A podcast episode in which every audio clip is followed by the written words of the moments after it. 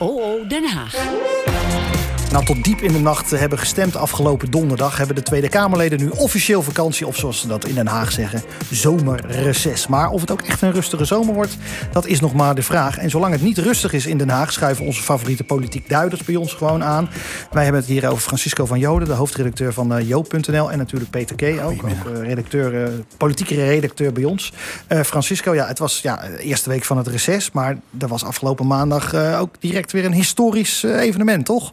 Ja. Ja, ontroerend. Het, is, uh, het was uh, fantastisch. Uh, heel Nederland keek er naar uit. Ik denk ook wel dat het ja, de de persconferenties van het crisiskabinet heeft verslagen in, in kijkersaantallen. dus je kan zeggen, gelukkig was er geen Eurovisie Songfestival... of helaas was er geen Eurovisie Songfestival. We hadden in ieder geval het lijsttrekkersdebat uh, ja, van het CDA. Ja, eigenlijk om te laten zien waar politiek om gaat. En dan zie je ook dat, ja, hoe begeesterend dat kan zijn.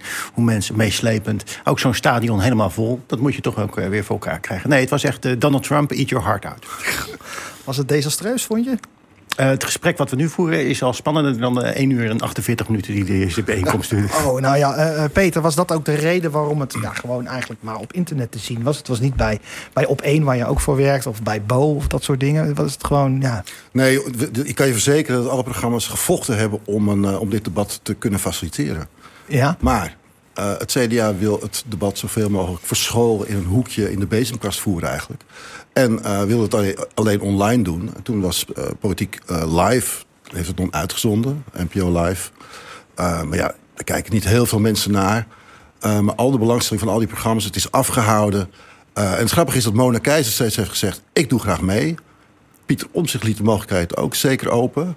Maar vooral bij het kamp Hugo de Jonge was er bijzonder weinig behoefte aan het debat op de, een van de zenders. En, en, en waarom bij Hugo de Jonge? Die, ze zijn bang van, kan niet alleen maar fouten maken? Nou ja, ik denk dat die het meeste verlies hebben. Ja. En dat is ook logisch ook. Ik bedoel, Mona Keizer staat op 15% in de peilingen. Die zag je ook bij dit debat, uh, voor zover het een debat was... Zag ze, zag ze nog wel dat ze de kans pakte om even de aanval op de jongen te openen. Nou, dat werd ook gauw in de kiem gesmoord. Um, maar bij... Uh, en Omzicht is natuurlijk ook de underdog, weet je wel. Die ja. heeft ook wat te winnen.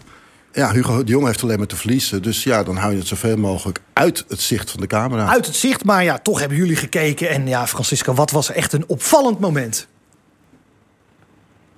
Oh, sorry. ja, nee.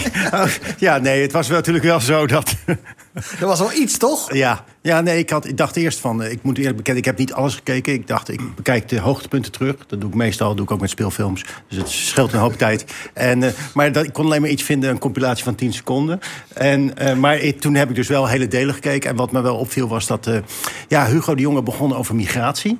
Uh, dat was ook opvallend, omdat de volgende dag het CBS toevallig, heel toevallig, uh, een rapport uitbracht over migratie. Je zou het niet verwachten. Over hoe wij er in 2050 uitzien? Ja, hij kon dat natuurlijk niet weten, want er zat een embargo op. Dus ja, dat, dat, niemand wist dat. Maar hij voelde dat kennelijk toch op de een of andere manier goed aan... dat daar, uh, dat, dat een onderwerp van gesprek zou worden. En daarin ja, nam hij eigenlijk allerlei vreemde standpunten in. Tenminste, het viel mij op dat hij zei dat Nederland een migratieland is. Nou, dat is uh, op zich wel een uh, bijzonder uh, opmerking. Dat is natuurlijk ook zo, maar vaak durven politici dat niet te zeggen. Want dan heb je dat pop aan het dansen. Sowieso moet ik zeggen, over het geheel, over het hele debat, mag ik, als ik het even mag zeggen. Het leek af en toe, had ik het idee dat ik naar een partijcongres van de SP of GroenLinks van tien jaar geleden zat te kijken. Dus je zag vijf veel voortschrijdend in zich. Maar ga je net zoveel praten als Hugo de Jonge, of niet? Want je mag ook tot je punt komen. Wat, wat even over Hugo de Jonge en de Rotterdam. Het is toch leuk als, ik, het is toch leuk als ik hem imiteer, of niet? dat ja. doe ik dan. Ja, ja? Maar, maar, straks gaat Peter uh, nog Mona Keizer imiteren. Peter, die, die vindt het niet erg. Die. Elke week zegt hij, ik vind het helemaal... Maar jij vond het, jij vond het verrassend dat hij over migratie begon. Ja, en dan vooral de manier waarop. Want dan gaat hij zeggen van ja, we moeten, we, het gaat vooral over Europese migratie. Nou, dan zou hij de grenzen willen gaan sluiten. Of daar controle op willen uitoefenen. Tegelijkertijd heeft hij het over het belang van Nederland als handelsland. Je kan geen vrij verkeer van goederen hebben zonder vrij verkeer van personen. Dat is gewoon een. Ja, dat, dat, met de brexit is dat wel aan iedereen duidelijk gemaakt. Dat gaat niet. Dat zijn dat twee dingen. Dat is water en vuur. Dat, dat, als je dat wil, die moet, je hebt ze allebei of je hebt ze niet. Ja. En uh, nou, daar wil hij dus kennelijk vanaf. En wat hij eigenlijk uit de weg ging daarin, ging het heel erg over, migratieland. En we maken deel uit van Europa. En dat was hij dan trots op enzovoort. Maar de vraag is natuurlijk niet alleen wat er in Nederland gebeurt. Is Europa ook een migratiecontinent? Dat is de grote vraag. Is Europa, en als het antwoord op, daarop ja is, wat niet anders dan ja kan zijn... dan is de vraag, waarom zijn al die grenzen dan zo dicht... dat die mensen met bootjes de zee op moeten oversteken om hier binnen te komen? Waarom regel je dat niet fatsoenlijk? Dus hij ging natuurlijk wel in op migratie, maar eigenlijk toch wel niet. Voor de bühne. Uh, uh, wat vond jij opvallend, Peter? Nou, kijk, wat een mooi moment was natuurlijk... was de, de, de, de twee uh, kandidaten, Mona Keizer en Hugo de Jonge... gingen Pieter Omzicht nou, aan de borst knuffelen eigenlijk... Uh, loven vanwege zijn uh, uh, inzet in de toeslagenaffaire. Oh ja, Toesla fragmentje. Ik wil beginnen met hier de gelegenheid te pakken om mijn grote waardering voor jou uit te spreken. Ik vind het zo bijzonder hoe je dat gedaan hebt, hoe je door bent blijven graven, hoe je vast hebt gehouden, soms tegen de klippen op. Werkelijk grote klasse. Ik denk dat het echt heel bijzonder is. De vasthoudendheid van Pieter. De onderste steen moest boven. En kijk eens wat een resultaat dat heeft opgeleverd voor die mensen waarvoor Pieter heeft gestreden. Echt heel erg geweldig. Wat een vering in zijn reet, is toch ja, ongelooflijk. hè? Ja, en, en nu kwam er deze week natuurlijk ook weer uh, nieuws van de Belastingdienst naar buiten. Dat ze ook wat betreft de inkomstenbelasting harde jacht maken op de fraudeurs. Dat is wel allemaal koren op de molen toch van omzicht? Nou ja, je zag dat hij zelf ook twee keer in dit uh, debat uh, terugkwam op deze kwestie. Dus hij benadrukt zelf natuurlijk ook nadrukkelijk hoe hard hij daar gestreden heeft in het belang van de mensen die getroffen werden. En ja hoor, vandaag kwam er, kwam er weer nieuws over. Um, uh, ja, dat is, dat is op zich een mooi moment. Al is het wel zo dat de meeste CDA-leden waarschijnlijk al hun stem uitgebracht hebben. Dus dat het in dat opzicht misschien niet zoveel meer uitmaakt. Maar goed, een mooi laatste campagnemoment voor hem... om nog een aantal mensen over te streep te trekken. en ik zag jou ook bij Op 1 en jij gaf uh, om zich toch echt wel een kans. Ja, het wordt gewoon ontzettend spannend. Het is, uh, ik heb heel veel rondgebeld in de partij... en heel weinig mensen durven nu tot te zeggen... dit wordt de winnaar. En, kijk, in de eerste ronde uh, zou het kunnen zijn dat Hugo de Jonge de meeste stemmen haalt. Maar omzicht komt steeds dichterbij. Het blijkt ook uit pijltjes die er gedaan worden. En uh, als Mona Keizer staat op een grote achterstand. Als Mona Keizer zich aansluit bij omzicht... en er komen misschien nog andere, komt misschien nog andere steun voor omzicht openlijk... Ja, dan wordt het uh, nog een heel lastig ding voor Hugo de Jonge. Maar er kwam ook nog een interessante peiling vanochtend naar buiten van INO. Wat kwam daaruit? Ja, daaruit bleek dat, uh, dat als Hugo de Jonge lijsttrekker wordt... dat hij toch wel een grote appeal heeft op, uh, op mensen van andere partijen. Dus dat hij wel aantrekkingskracht heeft en wellicht heel groot kan worden. Het grappige is dat Maurice de Hond uh, tien dagen geleden... een heel andere peiling had. Die kwam meer met... met als omzicht lijsttrekker wordt, halen ze, halen ze 25 zetels. Halen ze 6, 7 zetels meer dan met Hugo de Jonge. Dus welke peiling ik dan precies moet geloven. Je moet nooit de peiling geloven, denk ik. Nee, we moeten al, ik moet altijd uitgaan van jullie. Uh, uh, dan maar een mooi fragmentje van Pieter Omtzigt. Wat wilt u voor vader zijn voor uw kinderen? Ja, dat is het enige waar ik nog even over heb na moeten denken... waarom ik hier vanavond zou staan. Want wat me echt wel pijn doet, is het feit dat ik toch net... dat s'nachts doorwerken kan me geen moer schelen wat ze iedere keer over me vertellen. Laat mij maar lekker met mijn dossiers. Maar echt leuk vind ik het niet om drie of vier dagen per week in Den Haag te zitten. Dus ik zou ze iets vaker willen zien. Uw ogen glinsteren. Ja, ik zie het. Francisco, wil deze man nou vader zijn of toch echt een partij leiden? Nou, ik wil meer tijd met mijn kinderen doorbrengen. Dus weet je wat, ik ga de partij leiden. Dat is eigenlijk het. Uh, ja, dus als, bedoel, als, als er keuzes zijn, ik mag hopen dat ze keuzes beter zijn. Ik moet hier wel bij aantekenen. Wij zien dit allemaal als een aardig fragment en als, als leuk of zo. Maar uh, als Mona Keizers dit gezegd zou hebben, zou ze nu afgeweest zijn. Ja. Hij kan zich dat als man veroorloven om dat te zeggen. Als een vrouw dit zou zeggen, want dat is natuurlijk waar ze altijd over lopen te zeiken. Hij zal er ook niet mee achtervolgd worden. Het zal niet de hele tijd gevraagd worden, maar hoe zit dat nou met je kinderen en dit en dat. En als een vrouw dat zegt, dan is dat natuurlijk wel zo. Nou, nou, hallo, Mona heeft vijf zonen die, en die uh, groeien geheel zelfstandig God en Volendam. Ja, nee, maar ik zeg, als, zij, als zij dit had gezegd, zij zal, het, zij zal het niet in haar hoofd halen om dit te doen. En Mona nou, heeft zichzelf altijd al moeten profileren. Want zij heeft altijd moeten zeggen van, ho, ik ben er ook nog. Naast twee kroonprinsen die er toen nog waren. En die, eentje is er dan gestopt, Wopke. Is haar zij altijd zeggen van, nee, uh, ik ben ook nog potentiële lijsttrekker. Hoe deed zij het de afgelopen maandag, vond jij? Nou, ze begon erg sterk. nee, nou, ze was een beetje nerveus, dus ze maakte een uh, vergissing. Um, en ik vond haar niet zo. Uh, ja, ik vond haar een paar onbegrijpelijke dingen doen. Ik vond het bijvoorbeeld heel raar dat ze over drugs begon.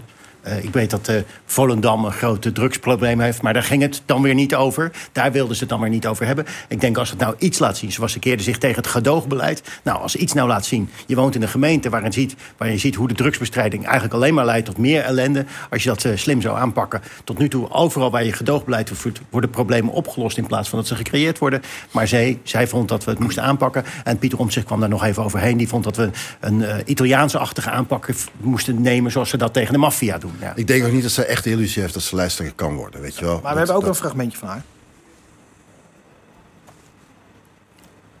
Oh, we hebben geen fragmentje van haar. Ik dacht dat nou, ze... dan kan ik lekker mijn zin afmaken. Ik denk dus niet dat ze de illusie heeft maar dat ze een mooi fragmentje over dat ze even in, de, in, in, in het begin in de war was. Wat, je, wat jij ook zei over zei van, uh, dat ze over België begon. Uh, de kiezers in België. Ja, dus, ja, dus die waren ze uiteindelijk, bedoelde ze toch, het uiteindelijk bedoelde ze toch de zuidelijke provincies uh, Zeeland, Limburg en Noord-Brabant. Maar uh, je wou graag wat zeggen, Peter? Nou, als het mag even. Ja, ga je gang. Dankjewel. Um, Hij is wel veel ruimte op, hè, die jongen. ja. Nee, kijk, dat lijsttrekkerschap... ik denk niet dat ze echt geloofde dat ze dat kan worden. Maar ze was wel heel erg getergd na de vorige keer. Want toen heeft ze meegedaan. Toen stond ze op nummer 2 op de lijst.